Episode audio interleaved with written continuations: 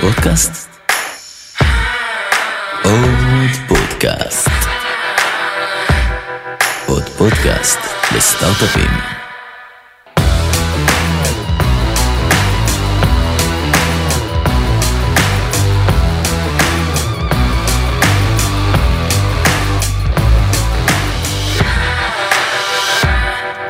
התחלנו?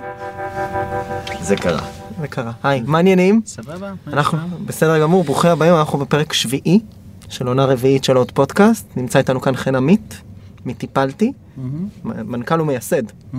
אתה רוצה לספר קצת על עצמך ועל טיפלתי? בכיף. אני אה, יזם, co-founder ומנכ"ל של אה, טיפלתי, אה, בוגר הטכניון מלפני הרבה מאוד שנים, אה, בוגר אינסיאד מלפני גם הרבה מאוד שנים. אה, בדרך הייתי ב-ECI גם הרבה מאוד שנים. אה, כל החיים ביזמות, אפילו ב-ECI זה היה יזמות, זה הקמנו את ה business של ADSL, בזמנו 96, עוד לא אינטרנט, היה בן 3, ADSL היה בן 0, אה, אז בניתי את ה business הזה, יזמתי אותו והובלתי אותו בתוך ECI עד אה, 100 מיליון דולר מכירות כשעזבתי וכמה מיליארדים אחרי זה, אחרי כן הייתי EIR Venture Partner בג'מיני ובאייפקס, אורן היה באייפקס, חבר אחר היה בג'מיני ועשינו מין כזה אה, עסקה משולשת ודרך זה אה, הגעתי להיות co-founder בחברה בתחום ה business intelligence. יחד עם היזם הטכנולוגי, הרצנו אותה כמה שנים, אה, אחרי כן הייתי מנכ"ל, עברתי לארצות הברית, הייתי מנכ"ל של חברה בשם אטריקה, אטריקה הייתה בתחום התקשורת, אה, מכרנו אותה לנוקיה סימנס, מודה היה לי רק מזל שמה, הרבה לא תרמתי לחברה, הגעתי, אחרי זמן קצר נוקיה סימנס התעניינה בלקנות את החברה וקנתה אותה, אז גם מזל צריך בחיים, לאורך כל החיים צריך הרבה מזל, תמה חוזרת. אה, אשתי קפצה על המציאה והחזירה אותנו לארץ. ובאיזשהו שלב ב-2010 אה, התקשרתי לאורן ואמרתי לו, תשמע, אה, מדגדג לי כבר, אה, הבנתי את הקטע הזה של אה, אה, להיות על הגדר, מדגדג לי לעשות משהו. אחרי, אני חושב, חמישה חודשים הוא חזר אליי ואמר לי, תשמע, יש לי איזשהו יזם, אחת מהחבר... יזם של אחת מהחברות שלו, שמתאר איזושהי בעיה, מעניין אותך לשמוע. ישבנו ברוטשילד, בקצה של רוטשילד היה קפה, איזה קפה קראו לו? באיזה קצה? בבימה או בצד השני? בקצה השני, שעכשיו כבר לא... כבר לא עימנו. כן. אוקיי. anyway, ישבנו שמה, והיזם זה הייתה חברת adtech, שצריכה לשלם לכל הפאבלישרים בכל העולם. והוא אמר, תשמעו, אני טובע, אני ימים בחודש, אני בתור ה president של החברה טובע בכל הנושא של התשלומים, זה הזוי, חיפשתי פתרון, לא מצאתי. זה היה נשמע יותר מדי בנאלי, כאילו, לשלם לפאבלישרים. אתה יודע, אוקיי, יש adtech, יש פאבלישרים, צריך לשלם להם. לא יכול להיות שאין לזה פתרון. אז חשבתי לעצמי שאוקיי, אז הוא לא מצא. אז אני אשקיע בזה חודש, בין כה אין לי הרבה מה לעשות. אני אשקיע בזה חודש, אמצא לו את הפתרון. מן הסתם יש, מישהו כבר עבד על הפתרון הזה, ושגר אותו לדרכו. השקעתי בזה זמן, למעשה כבר אחרי שבוע או שבועיים פגשתי עוד יזם של פליימידיה, עוד חברת אדטק אה, מרוטשילד, וסיפרתי לו על הבעיה ואמרתי, שמע, אני אעצור אותך פה, אני יודע על הבעיה הזאת יותר ממך, אני הלקוח הראשון שלך, תרים פתרון, אה, אני הלקוח הראשון שלך. אז לפני שהתחלתי היו לי שני לקוחות ראשונים.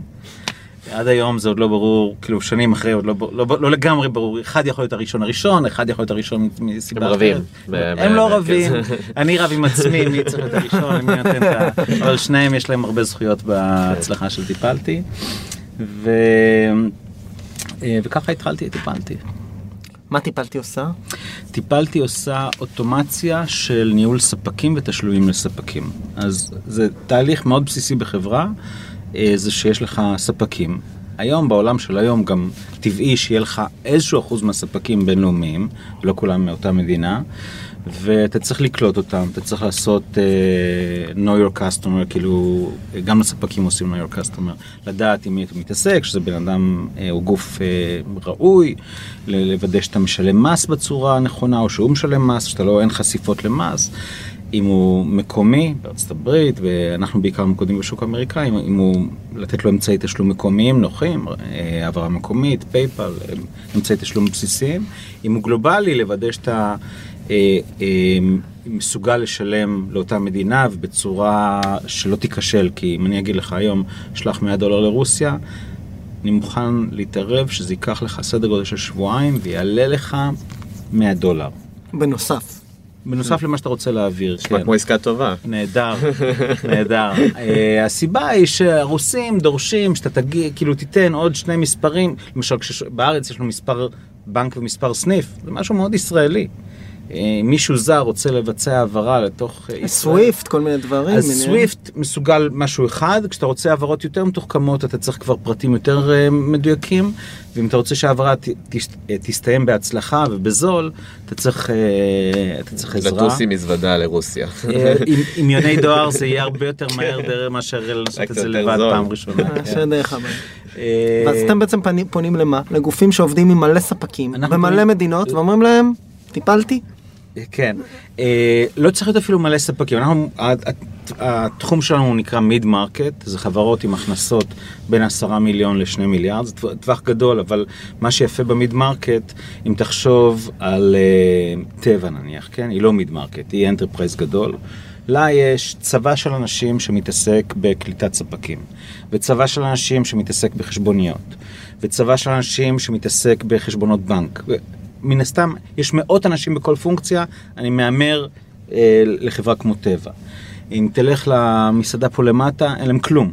יש להם בעל בעל בית. בעל הבית חותם על צ'קים בסוף החודש, או עושה העברות בבנק בסוף החודש, וזה הניהול ספקים של החברות הקטנות. חברות באמצע, הן כבר מתנהלות בצורה רצינית, כבר יש להם סמנכ"ל כספים, כבר הם עשו ביקורות, כבר, הם כבר מת, יודעים שהם צריכים להתנהל כמו אזרח אחראי, אבל ה-accounts payable, אלה שעוסקים בתשלום לספקים, זה הגוף האחרון בחברה שיקבל איזה משאבים. אם אתה יש לך חברה, אתה קודם רוצה שהלקוחות יבואו אליך, אחרי כן שישלמו לך, הדבר האחרון שאתה חושב עליו זה לשלם לספקים. אתה בסוף צריך לשלם לספקים, אבל אין שום passion לגבי זה, אין שום, זה לא priority לאף חברה. ב mid-market יש להם את הצורך להיות רציניים, אבל אין להם שום יכולת, לאנשים שמתעסקים בזה, אין להם שום כלים ושום יכולת, אנחנו באים ועושים אוטומציה לכל התהליכים האלה.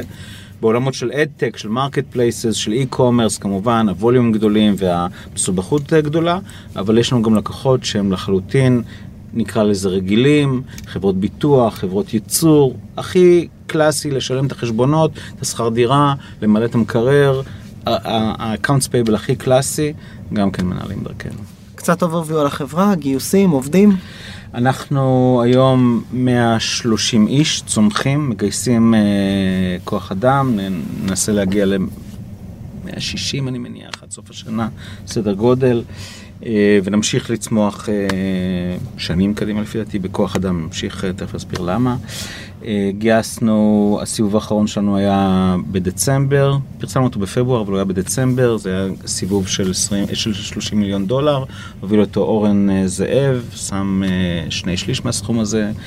אה, אורן הוא co-founder שלי ו chairman של החברה וגם ה backer הכי גדול של החברה נכון להיום.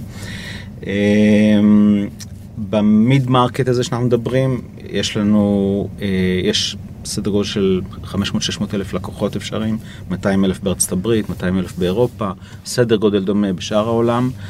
אה, אנחנו היום עושים process, אנחנו למעשה גוף פיננסי, באותו מודל כמו PayPal, אנחנו לא בנק, אבל יש tier מתחת לבנק שהוא גם מפוקח וגם פועל, אה, זה נקרא money transmitter, מעבירים, חמישה מיליארד, מיליארד דולר עוברים דרכנו בקצב שנתי שאנחנו נוגעים בהם והם משלחים אותם לעולם לכל מיני מקומות.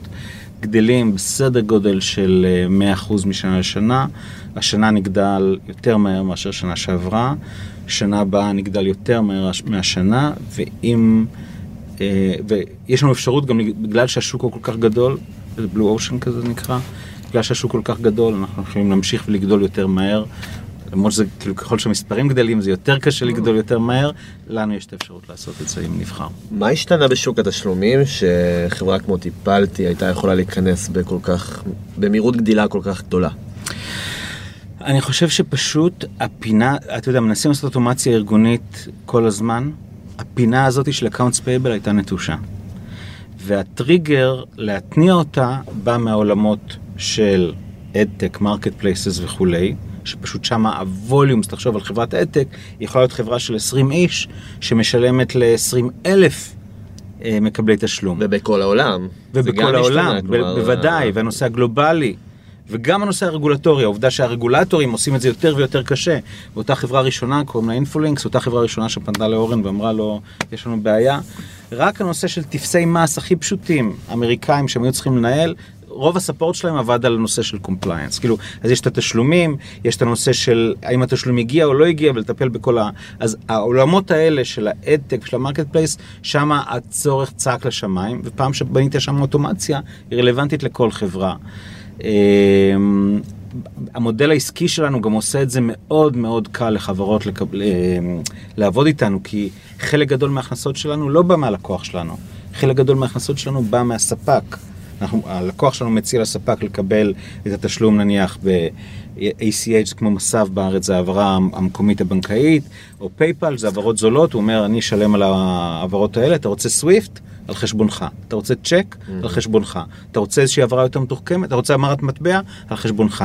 ואז הרבה מאוד מההכנסות שלנו בכלל מגיעות מהספקים. אז הלקוח שלנו... מההמרה של המדיום שדרכו, שבו עובר הכסף בעצם?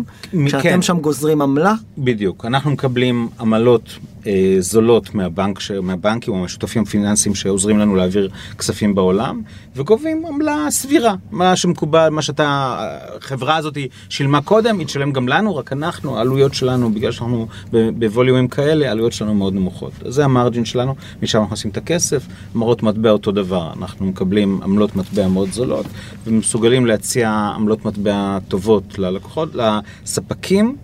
וכל זה לא על חשבון הלקוח הישיר שלנו. הלקוח הישיר שלנו הוא זה שמשלם, אבל מי שמקבל את הכסף בסוף ישלם על חלק, כאילו יגרום לנו לח, אה, אה, אה, לחלק מההכנסות. אז זה גורם לזה שאנחנו מביאים value מאוד גדול ללקוחות שלנו, אבל את ההכנסות, את ה, את, מי שמשלם על זה, רק חלק קטן הלקוחות שלנו משלמים בצורה ישירה. אז זה מאוד נוח.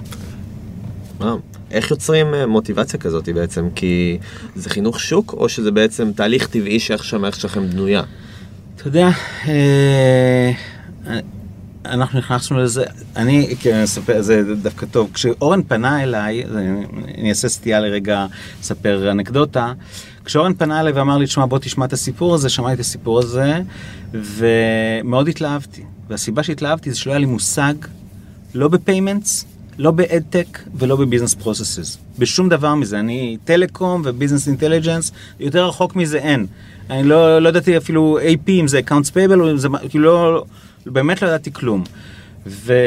ונכנסתי לזה, ועשיתי מה שהיה נראה לי, כאילו בשיחות עם שני הלקוחות הראשונים, בנ, כאילו בניתי את זה בדיאלוג איתם, ומה שהיה נראה הכי טבעי, ומה שהיה נראה ש... שברתי משהו. מה שהיה נראה ש... שיעבוד טוב אה, עבור הלקוחות שלנו, עבור הספקים שלהם, ככה בנינו את זה. ו... למשל, אתה יודע, אני זוכר את ה...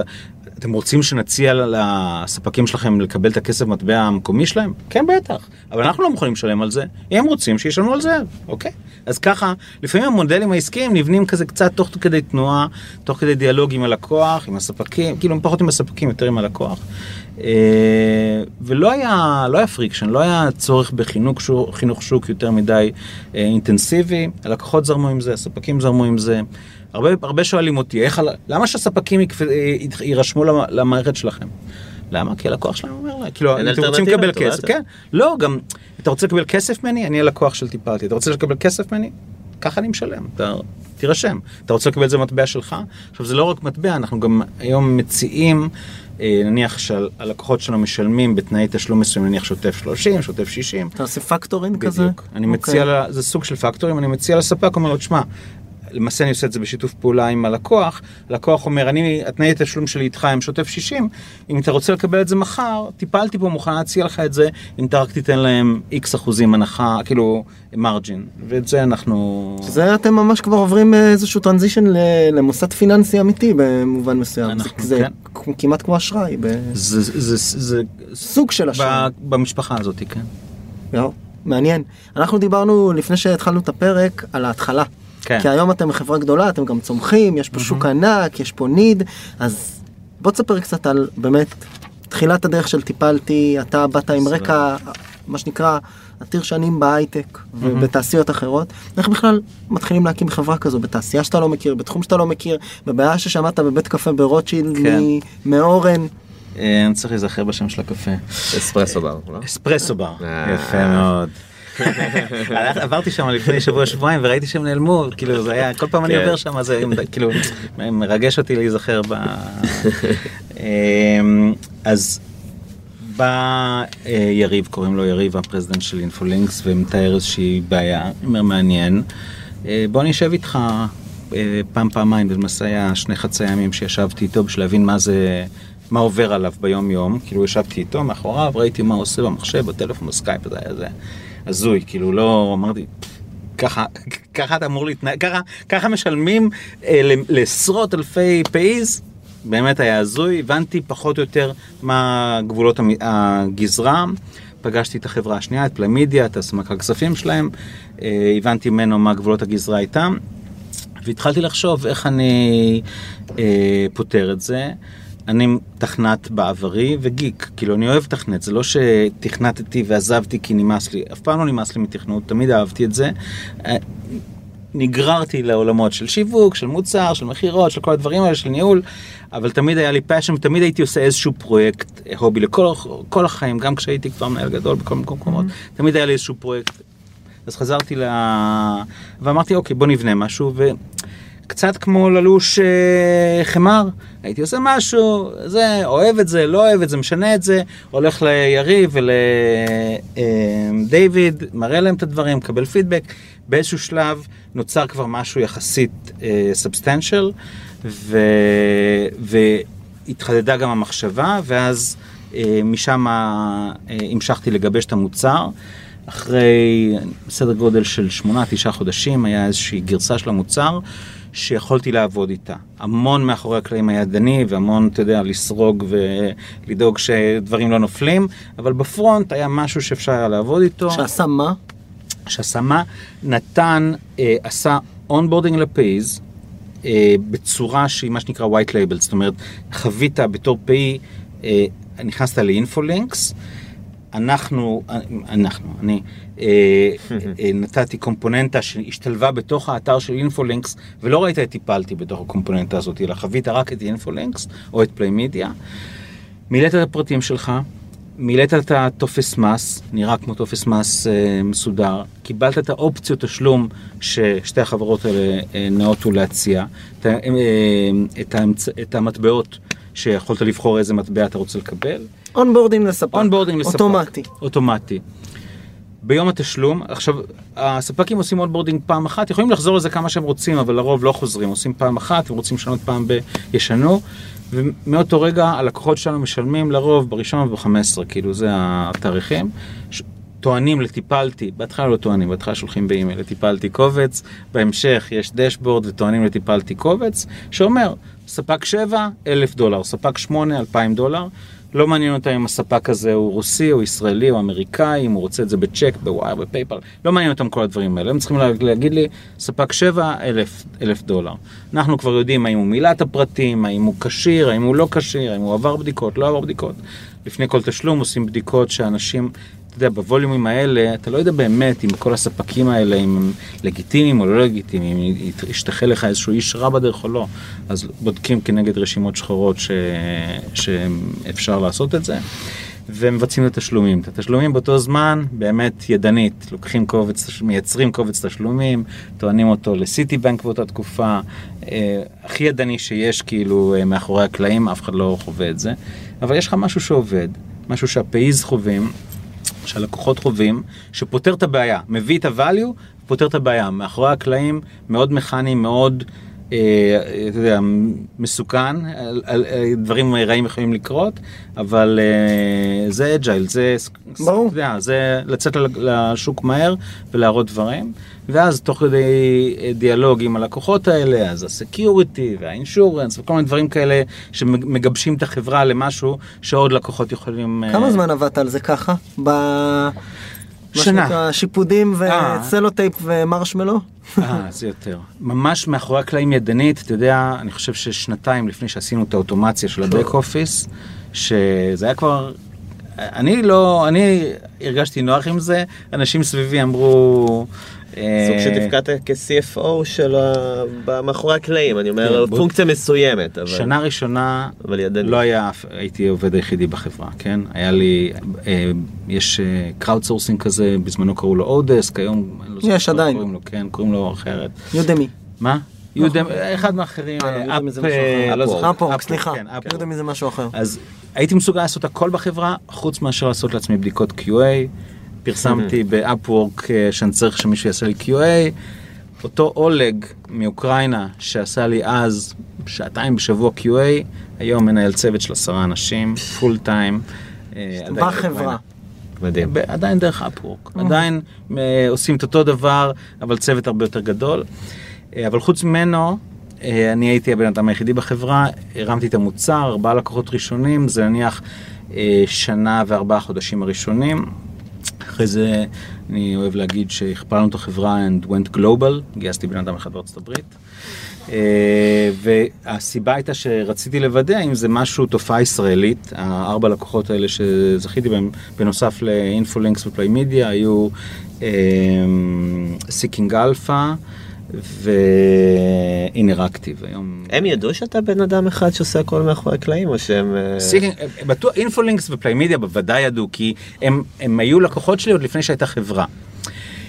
Seeking Alpha היה יותר מעניין. באתי אליהם דרך אה, חבר, אורן הכיר לי דרך אחד מהיזמים ההיסטוריים של Seeking Alpha. באתי אליהם, אומרים וואלה, אתה יודע מה? זה בדיוק הבעיות שאנחנו מתמודדים איתן עכשיו. באת אלינו ברגע הכי מושלם, טיק טק, שלוש שיחות, רוצים, אוקיי, שולח להם חוזה, שקט. מה קורה? תראה, יש לנו בורד ממבר שביקש שנבדוק עוד חברה. ואנחנו צריכים קצת זמן. אמרתי, אוקיי, זהו, זה, העסקה הזאת כבר אה, איבדתי אותה. כן. חזרו אחרי שלושה שבועות, קיבלנו אישור, הכל בסדר, ממשיכים. פגשתי אותו לפני, אה, לפני שנה, שנתיים, שאלתי אותו, תגיד לי, אתה ידעת אז שאנחנו חברה? הוא אמר, בטח שידעתי. כאילו, ידע... של בן אדם אחד. חברה של בן אדם אחד. אז מה... אז למה, אז מה גרם לו ללכת עליכם? עליו. הייתה לו, בעיה. והוא היה מודאג מהבעיה, והוא מצא פתרון שבא לפתור בדיוק את הבעיה הזאת. לקלוט ספקים. כן, אבל היה עוד מתחרה, אתה אומר. היה מתחרה שהיה ליד. 32 מעלות שמאלה. הוא הלך לשמה. כן? הוא בסדר, הוא יכול לפתור לו חלק... בסוף אנשים, החברות פעלו בו, כן? לפני טיפלתי, אנשים התמודדו עם הבעיה. אבל מישהו שבא ופותר את כל הבעיה ובאמת מטפל בה, לא, taking care of it, זה היה טיפלתי, ואותה חברה השנייה, אז היא לא עשתה את העניינים של המס, ולא עשתה את העניינים של המניעת הלבנת הון, וכל מיני דברים כאלה של ה-compliance, כל מיני דברים. זה, זה, לא, זה לא סקסי, אבל חייבים לעשות את זה, ואנחנו עשינו לזה אוטומציה והעלמנו את כל הבעיה הזאת, והם הם ראו את זה. אני חושב שמה שהיה יותר היסטרי, זה שכשגייסתי את הבן אדם הראשון בארצות הברית, זה היה בשביל להבין האם יש את הצורך הזה גם בארצות הברית.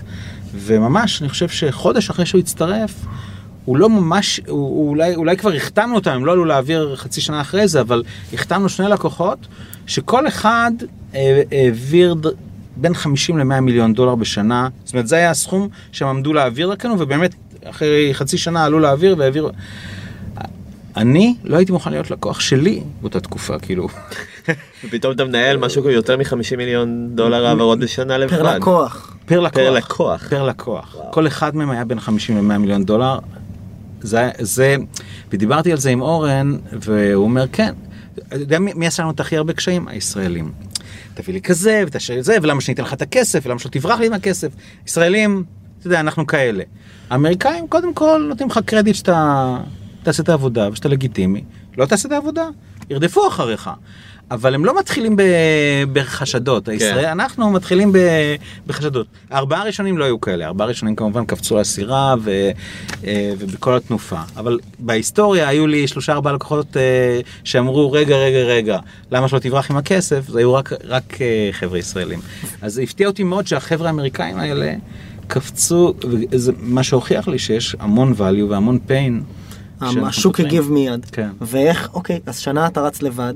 מה, לא, לא הבנת שיש לך פה משהו ביד? לא הבנת שאתה סטארט-אפ? גייסת כסף? הרבה אחרי לא הבנתי, לא רק שמה לא הבנתי, הרבה הרבה אחרי לא הבנתי, זה לא... כאילו בהתחלה התחלתי, אז... אה, אור, בהתחלה בהתחלה ישר, כאילו, כשהיו לי את השניים הראשונים, אמרתי לאורן, שמע, לא יודע אם זה חברה, לא יודע אם זה פרויקט, אם זה פרויקט זה אחלה. אני אשמח, אני קצת אתכנת, אז אתה יודע, 20-30 אלף שקל בחודש אה, משכורת. אני, טוב לי עם זה, בסך הכל רציתי עיסוק, כאילו נמאס לי, כאילו גירד לי באצבעות, ו... ואורן אמר לי בוא ניתן לך 100 אלף דולר, אתה יודע, אתה תצטרך, תצטרך תוכנה, תצטרך hosting, משהו שיהיה לך 100 אלף דולר. גמרתי את השנה הראשונה עם 80 אלף דולר בבנק. הצלחתי לבזבז 20 אלף דולר, אבל אה, כן, לא, לא משכתי כמובן משכורת, אבל אה, הבנתי שיש משהו, אבל לא הייתי בטוח.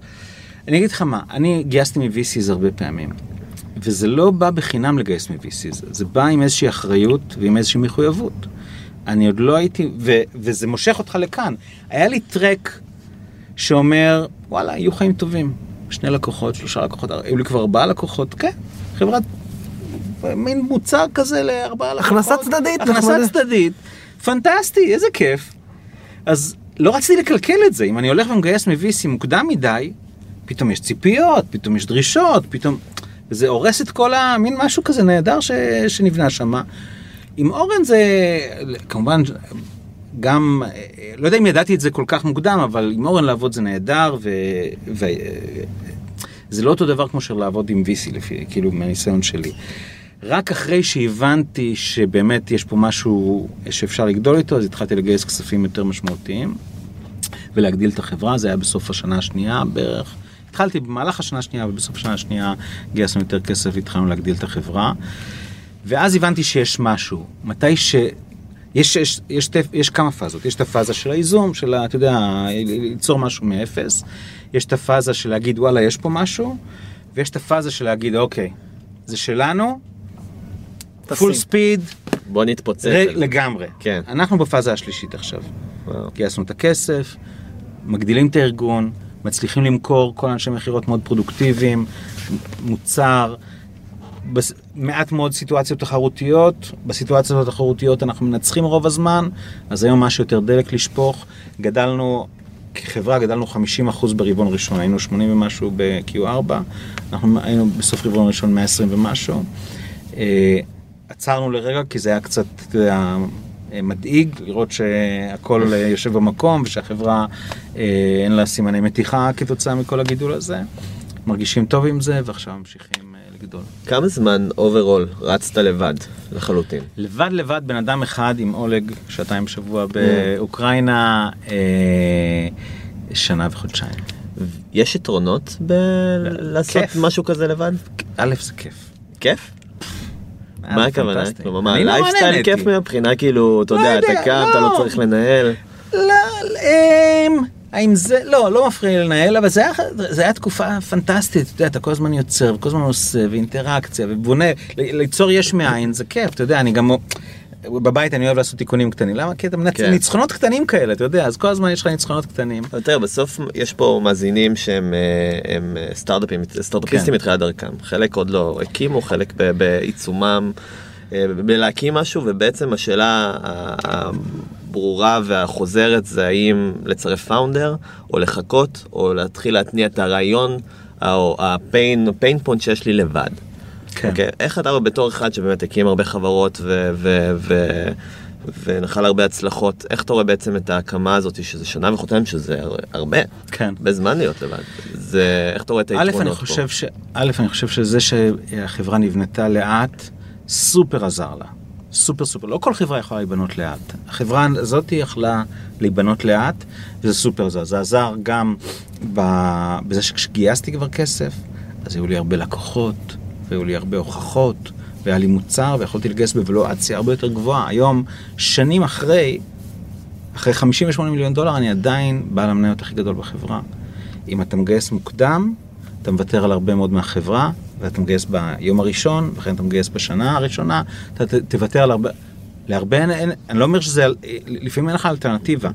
לי הייתה אלטרנטיבה, ואם ליזמים האלה יש את האלטרנטיבה, אז שיבואו עם, עם יותר assets ל... אם הם באים רק עם מצגת, הם יוותרו על הרבה מהחברה. אם באים עם מצגת עם אה, אה, צ'יקמוק אה, סביבה, אה, אה, קצת פחות יוותרו. אם באים עם asset גדול, הם יוותרו על פחות מהחברה, אז זה אני חושב benefit אחד. benefit שני זה גם באמת confidence. לא היה לי את ה confidence שיש פה משהו. אז בניתי לעצמי confidence, שזה כבר עניין אישי שלי, שרציתי לפני שאני מגייס כסף אה, לבנות confidence. גם כל הגיוסים, זה גם קצת יוצא דופן אצלנו, כל הגיוסים, אה, לא, לא גייסנו מ-VC עד היום. אני חושב שהגיוס הבא כבר נצטרך מ-או VC או growth או private equity, אבל גייסנו 58 מיליון דולר, כולם מ-private. אורן הוא אמנם the most professional investor there is on the planet, אבל אני עדיין אה, לא שם אותו בקטגוריה של ה-VCs. הוא, super angel. הוא professional investor, הוא, סי- הוא, קורא לעצמו single, single GP fund, כאילו, הוא fund של בן אדם אחד, זה קצת שונה. יכול להיות שהוא כבר יותר כמו VC מה- מה- מה- מהרבה בחינות, הוא מסוגל להביא כספים גדולים, במובן הזה הוא, הוא, כן יש לו את היכולות של VC, אבל לאורך כל הדרך, וגם זה, זה רק מהסיבוב האחרון, לאורך כל הדרך גייסנו מפרטיים. אה, סכומים גדולים, חלק מהפרטיים שמו 15 מיליון, וחלק אה, 10 מיליון וכל מיני דברים כאלה, אבל הצלחנו לשמור על חברה מאוד מאוד אינטימית, אורן, אני, עוד בורד ממבר חיצוני, אה, עוד בורד ממבר מהפרטיים, חברה מאוד מאוד אינטימית, בורד מאוד אינטימי שעובד אה, נהדר, זה היה אחד מהיתרונות הגדולים גם כן, אז בשיקולים מתי לגייס ואיך לגייס, יש גם את זה. הדבר האחרון זה שהוא יכול להיות שהוא יוצא דופן אה, אצלי, אבל מי שיש לו את היכולת הזאת אז סבבה. אני הייתי גם מתכנת, אבל כבר הייתי, וניהלתי ארגונים, והייתי, ניהלתי מוצ... קבוצות, ניהלתי מוצר בעצמי, והייתי, ניהלתי קבוצות מוצר, וניהלתי מכירות, והיה לי מספיק מכל דיסציפלינה בשביל להגיד, אוקיי, אני אעשה קצת מהכל, ולא... אה, והיה לי את אורן בתור קו-פאונדר. להיות יזם לבד בלי אף קו-פאונדר, אני חושב שזה מאוד קשה. זאת אומרת, אורן כן היה שם מעורב מאוד. אורן בוודאי, אורן בוודאי, בוודאי היה מעורב מאוד. מעורב מאוד, אה, לא ב-day to day, הוא לא, אה, יש את הבדיחה הזאתי על אה, English breakfast, ההבדל בין החזיר לביצה, שהתרנגולת היא involved והחזיר הוא committed לארוחת בוקר. אוקיי. אז אני הייתי committed, אורן היה involved, אבל את סיטי בנק אורן הביא. בשקט, 50, 60, 70 אחוז מהלקוחות הראשונים, או ישירות מאורן או עקיפין מאורן. אה, את המשקיעים לאורך שנים, עד, עד, עד בעצם כל הסיבובים, אורן אה, היה זה ש, אה, שהביא את המשקיעים בצורה כזאת או אחרת.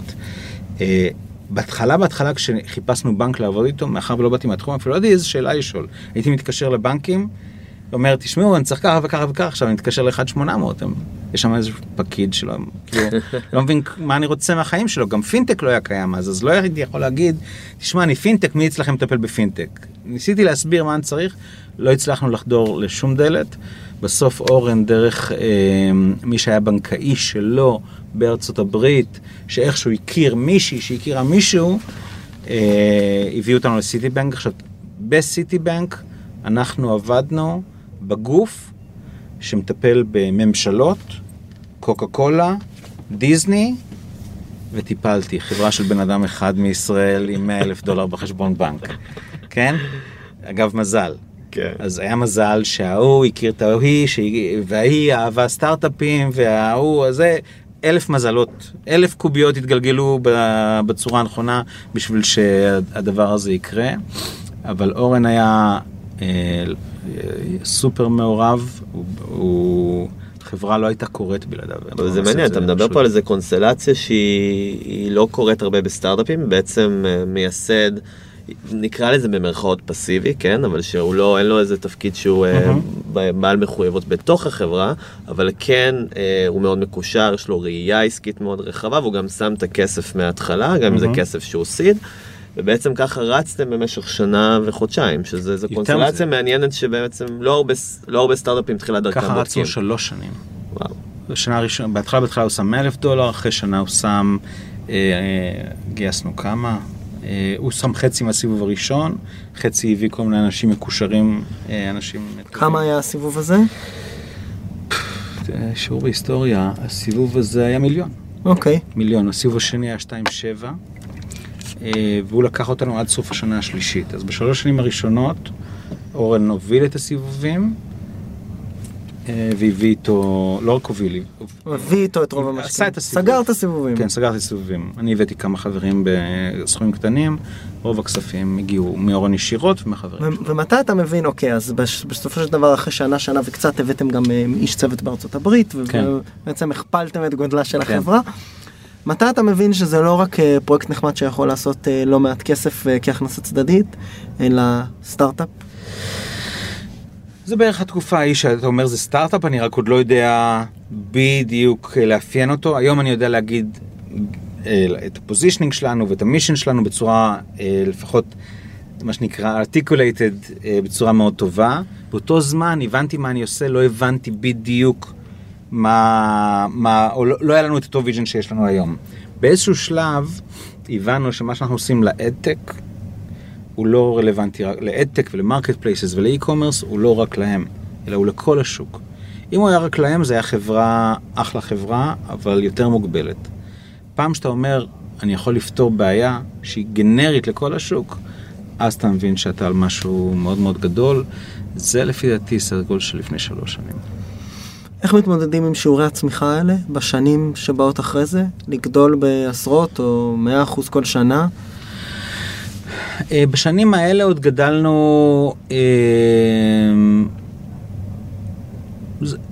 לא, היו, לא, לא היה פחד, זה היה, גדלנו, אבל גדלנו ממספרים קטנים. אתה יודע, אתה גודל בהכנסות מחצי מיליון למיליון, ממיליון לשני מיליון, משני מיליון לארבע מיליון, זה עוד כאלה, ובכוח אדם אתה גדל מ-5 ל-10, ל-15, ל-20, אתה יודע, ניהלתי מאות אנשים בעבר, אז זה עוד מספרים כאלה קטנים, והגידול הוא לא גדול, והכל ממוקם בישראל, ויחסית lightweight.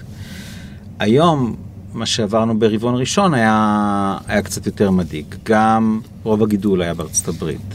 גם, גם היה, היה עוד אה, שלב ביניים שאני תכף אתאר אותו, אבל ה- הגידול שעברנו אותו ברבעון ראשון היה יותר מדאיג, ושם אה, כמובן שאתה מסוגל לעשות את זה רק אם יש דרג ניהולי מאוד מאוד טוב, אה, ואז צריך דרג, בין- למעשה הדבר הבא זה דרג ביניים. אה, יש איזשהו לקח שאני חושב שיהיה טוב לספר עליו, זה בעצם הגיוס של ההנהלה שלי לאורך השנים, כאילו מה, מה עברנו. אה, בת- הבן אדם הראשון שגייסתי בארצות הברית, התלבטנו, את מי, את מי נגייס. מי יהיה מוכן, מי הזוי מספיק בארצות הברית לעבוד עם חברה ישראלית של בן אדם אחד. בן אדם אחד עם 100 אלף דולר בבנק, על מוצר חדש, שכמה חברות ישראליות הסכימו לקנות אותו. את מי תצליח לגייס? אני אצליח לגייס רק בן אדם שאני לא מוכן לגייס. כאילו בהגדרה, נכון? אף אחד לא... מי שמסכים לבוא לעבוד בחברה הזאת, אסור לך לגייס אותו. נכון. מלכוד. מלכוד. אז גייסתי חבר מ-ACI, שידע על payments ואדטק בדיוק מה שאני ידעתי כשאני התחלתי, דהיינו כלום. אבל ידעתי שאני יכול לעבוד איתו, ושהוא אה, נלמד ביחד ונתקן ביחד, והעבודה תהיה מאוד מאוד טובה. אז יש מחיר בצד של הלימוד, אבל אנחנו יודעים שנתפקד טוב. והוא מהר מאוד השיג את השני לקוחות הראשונים, ו- ומשם המשכנו. באיזשהו רגע, והוא עשה הכל, הוא עשה מכירות, שיווק, תפעול, עשה את כל הדברים אה, בארצות הברית. לא, לא הלכת לפי הניסיון לא. של הבן אדם, אלא לפי באמת האמונה שלך שהוא יכול... לפי אה, האיכות. בדיוק. האנושית. כן, מישהו שהוא, אה, אני ידעתי שהוא באיכות גבוהה ושהוא יעבוד איתי טוב ושאני אוכל לסמוך עליו ושנתפקד טוב ביחד. באיזשהו שלב הבנתי שאנחנו צריכים marketing אה, מקצועי יותר. היה לנו, כמ- כמעט לא היה לנו לידים אה, שהגיעו אלינו מבחוץ, הכל היה cold calling ומכירות הארדקור.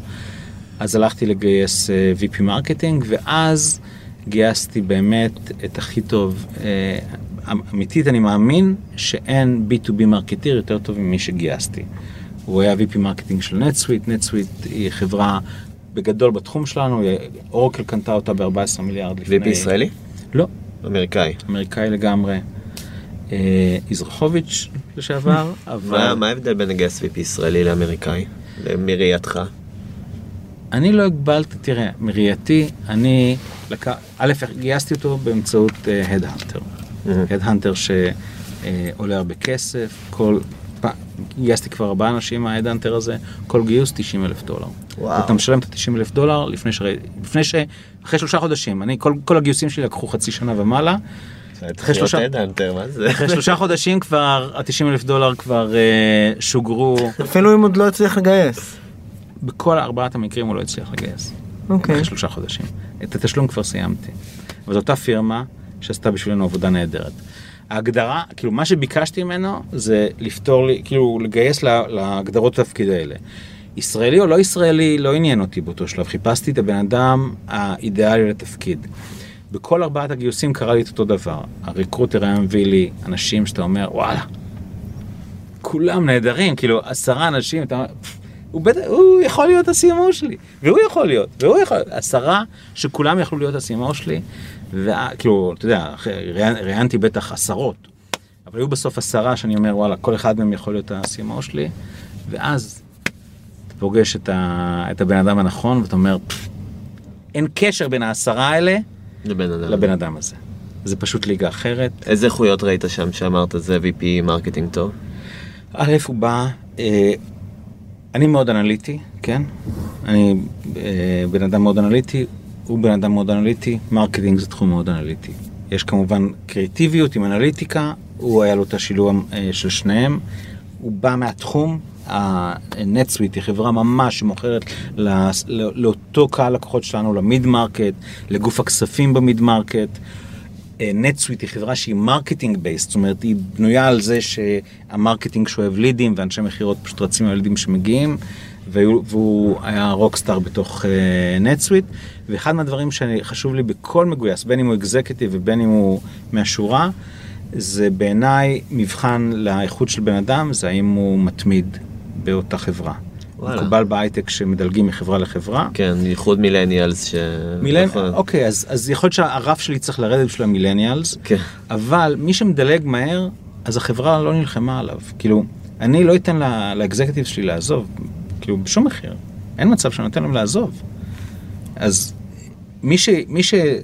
אקזקטיב או עובד שדילג יותר מדי פעמים, לא נלחמו עליו. וואלה. אז הוא היה כמובן, הוא היה שמונה שנים בנטסוויט, בעיניי זה היה נהדר. אז גייסתי אותו, ואת אותו בן אדם ראשון שהבאתי מ-ECI, שהוא כן ישראלי, אמרתי לו, אוקיי, אתה תעשה עכשיו רק סיילס ואופריישנס.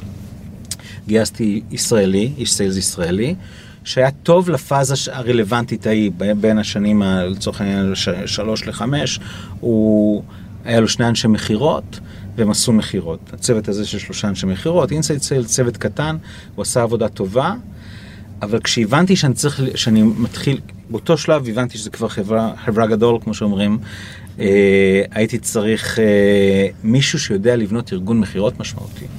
היום החברה היא, יש לנו במכירות מעל 50 איש, ובשנה הבאה יהיו לנו במכירות מעל 100 איש. ואתה צריך לדעת אה, לגייס, אתה צריך לדעת להכשיר, אתה צריך לדעת לפטר, אתה צריך לדעת את כל הדיסציפלינות האלה. ומי שהיה אז היה סופר סיילסמן מצוין ועושה לחברה נהדר, אבל בקונטקסט של לגייס שניים שלושה אנשי מכירות ולבנות איזשהו ארגון קטן. פעם שהבנתי שאנחנו צריכים לעבור לשלב הבא, חיפשתי מישהו שעשה את זה. ומצאתי, שוב, ראיינתי חודשים על חודשים, אפילו הייתה לי מועמדת שברחה לי ברגע האחרון. תהליך נמשך המון זמן, החברת recruiting הזאת עשתה עבודה נהדרת. וה headhunting, ובסוף עליתי על מישהו שבא מחברה בשם Coupa, הונפקה לפני שנה, מיליארדים ומיליארדים, חברה מאוד מצליחה. הוא היה ב Coupa מאיש מכירות הראשון, הוא היה איש מכירות הראשון, כשהוא עזב היו 100 אנשי מכירות ו-100 מיליון דולר מכירות. והוא ניהל אותם. והוא ניהל אותם. קסם. אם הייתי מנסה לגייס אותו שנה קודם, לא הייתי מצליח. לא היינו ברמת בשלות רלוונטית. בשלב שתפסתי אותו, זה בדיוק היה הבן אדם הנכון. היינו ברמה... ב... זה שוב פעם הנקודה הזאתי, אבל מהצד ההפוך. עכשיו היינו כבר בשלב שאנחנו יכולים לגייס את הכי טוב שיש, וזה מה שהגיע לנו. הגיע לנו את הכי טוב שיש, והחברה צריכה את הכי טוב שיש, והצלחנו לגייס את הכי טוב שיש. וקרה, אז כל בן אדם יש לו את ה... אה, אה, או אתה צריך לוודא שהאנשים שאתה מגייס, הם טובים לפאזה שאתה נמצא בהם. בהתחלה, בהתחלה כשגייסתי בן אדם הראשון, לא היה עוזר לי אם הייתי מנסה לגייס את אה, סטיב, זה הסמנכ"ל המכירות הנוכחי שלנו, לא, הייתי, לא היה עוזר לי אם הייתי מנסה לגייס אותו, בחיים לא היה בא אליי. אבל בשלב שגייסתי אותו, אותו ערן שהיה בהתחלה לא היה רלוונטי. זאת אומרת, כל בן אדם יש לו את הפאזה, או אתה, אני בתור מנהל החברה, צריך לגייס לפאזה הרלוונטית שלי. והפאזה היא מהיום לשנתיים קדימה. הלוואי והם, לשמחתי, ה executives שגייסתי, לפי דעתי יכולים להמשיך גם אם נהיה חברה של אלפי אנשים ו public והכל. אבל ב mindset שלי אני מגייס למישהו שיעזור לי היום. לתקופה, כן. היום לשנתיים הקרובות. אז C-Level, הגיוס של, של C-Level, אתה מאמין רק ב headhunting, או שאתה חושב ש... כבר עכשיו הסתכלות אחורה, זה כן, משהו לי אין, שאתה... אה, אתה יודע, אתה מנסה ב network שלך, אתה זורק כמה כן. חכות, אם אתה לא תופס בחכה שום דבר אחרי כמה שבועות, אז headhunting. ה headhunting למעשה זה network. הם מכירים את כולם, הם דיברו עם כולם, הם יודעים מי בדיוק עובר, או הוא רב, או זה, או יש לו צורך, רוצה לעשות רילוקי. מי- מי- יש להם insight שלך. יש להם insights ויש להם כן. קשרים, והם יודעים לכוון, ומגיעים לאנשים שאני בחיים לא הייתי מצליח להגיע אה, בעצמי. אני מישראל לא הייתי מצליח להגיע לאותם מועמדים. וגם. הפילוסופיה, ההבנה שבסוף האנשים הטובים הם, הם לא נמצאים בין לבין, הם נמצאים עדיין בחברות אה, לגמרי. שלהם. לגמרי. לכן זה כל כך מסובך ותהליך כל כך מורכב. לגמרי, וגם האנשים המאוד בכירים מצפים מהחברות headhunting היוקרתיות שיפנו אליהם. כאילו, הם לא יענו לכל אחד לפנייה, אם אה, סתם תשלח recruiter שיפנה, חלק כן, חלק לא, אבל הרבה מצפ... כאילו מנהלים את הדיאלוג הזה עם חברות הדהנטינג מסוימות. אני רוצה שנייה לחזור אה, כן. קצת לחברה כמכלול, זה האמת קשור גם לכוח האדם. אתה התחלת ובנית את המוצר בידיים, הבאת את הבן אדם הראשון והשני בשכנועים, היום אתה מנהל חברה של מעל 100 איש.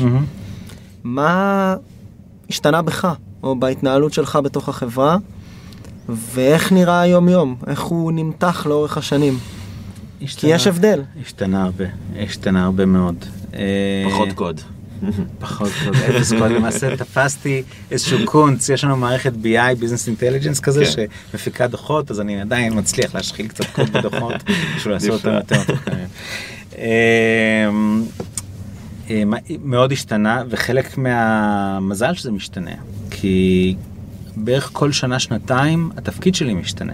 זה עושה את זה יותר מעניין, אם הייתי כל הזמן עושה את אותו דבר, יכול להיות שהיה לי יותר קשה, אבל כל הזמן התפקיד שלי משתנה, וזה מעניין. בהתחלה, בהתחלה, אז כן, הייתי הכל, הייתי תכנת, בטח 50% מהזמן, איש מכירות 25% מהזמן, וכולי וכולי, הכל ב... אתה יודע, טישרט ופיג'מה בחדר כביסה, זה חוויה מסוג אחד. אה, אחרי כן, לאורך שנים רוב החברה הייתה בישראל, רוב החברה הייתה פיתוח, והיה בן אדם אחד או אנשים בודדים בארצות הברית, והייתי נוסע פעם ברבעון, פעם בחצי שנה, והרוב היה מתנהל בצורה כזאת. לאט לאט כשהתחלנו לגייס יותר ויותר אנשים, והייתי יותר ויותר אה, התרחקתי מהפיתוח והתקרבתי, כאילו הייתי יותר נחוץ במכירות, אז הייתי נוסע יותר. היום אני, I commute, אני נוסע שבועיים שבועיים. וואו. אני על הקו בין ישראל לקליפורניה. אה, שבועיים קשוח. שבועיים. אה, אם הייתי יכול לעשות רילוקיישן, הייתי עושה רילוקיישן. אה, יש לי שני ילדים כבר בצבא, אבל יש ילד בן 14 ש... אה, מעוניין לעשות רילוקיישן, הוא כבר גר בארצות הברית, הוא בדיוק בגיל שגם לא, אני לא חושב שזה נכון לעשות רילוקיישן, למרות זאת שאלתי אותו, לא רוצה. ו... והחברה, גם בארץ אני לא, אני, אני היום כבר מעט נמצא בפיתוח, אני, היום שלי מתחיל כזה בשתיים בצהריים, שלוש בצהריים, לא היום שאני מתעורר, אני מתעורר בבוקר, עושה כל מיני דברים, אבל היומן פגישות שלי מתחיל כזה בשתיים בצהריים. עם ארצות הברית, ה marketing והמכירות. כן, עד סוף, אה, עד סוף היום. אה, אז כן, אז ה- בפאזה הראשונה זה להגדיר מה זה, זה לבנות המוצר, ולכוון אותו ומה אנחנו עושים ואיך אנחנו עושים וכל הדברים האלה. בפאזה השנייה זה להרחיב את הלקוחות, לאורך כל הדרך זה לגייס את האנשים. אה, בש... בוא נאמר עד לפני שנה זה היה לחדד את המישן, כאילו להבין באמת מה אנחנו הולכים לעשות ואת המקום שלנו בשוק, ועכשיו זה growth.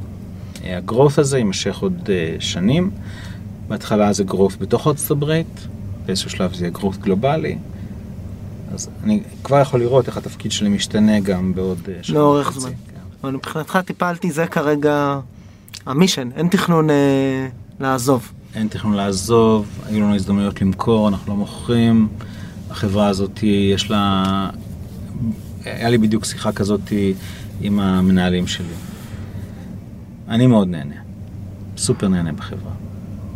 אנחנו יכולים להגדיל אותה. אה, אבל אנחנו יכולים ליצור עוד ועוד value בחברה. אם היינו מוכרים את החברה היום, מה היינו עושים? אני יודע מה אני הייתי עושה. עוד אחד. אז, בשביל, אז מה ההיגיון? אני יודע לבנות יותר value בחברה הזאתי, וכיף לי פה, אז איזה, איזה היגיון בכלל למכור את החברה? ליקווידיטי, כאילו להשיג את זה שעובדים או מנהלים הצליחו למכור כמה מניות, זה אפשר, זה לא חובה למכור את החברה בשביל זה. נכון. אז מאחר ויש לנו שוק אינסופי כזה, ואנחנו יכולים להגדיל את החברה, מאחר ואני חושב שכולנו נהנים מאוד ממה שאנחנו עושים, לפי דעתי אנחנו כולנו for the long term פה. אז אין יותר נימה אופטימית לחתום את הפרק. מהדבר הזה. אנחנו מאוד נהנינו. היה מצוין. מאוד מאוד מאוד. תודה רבה לך. תודה רבה. אה, תודה לכם.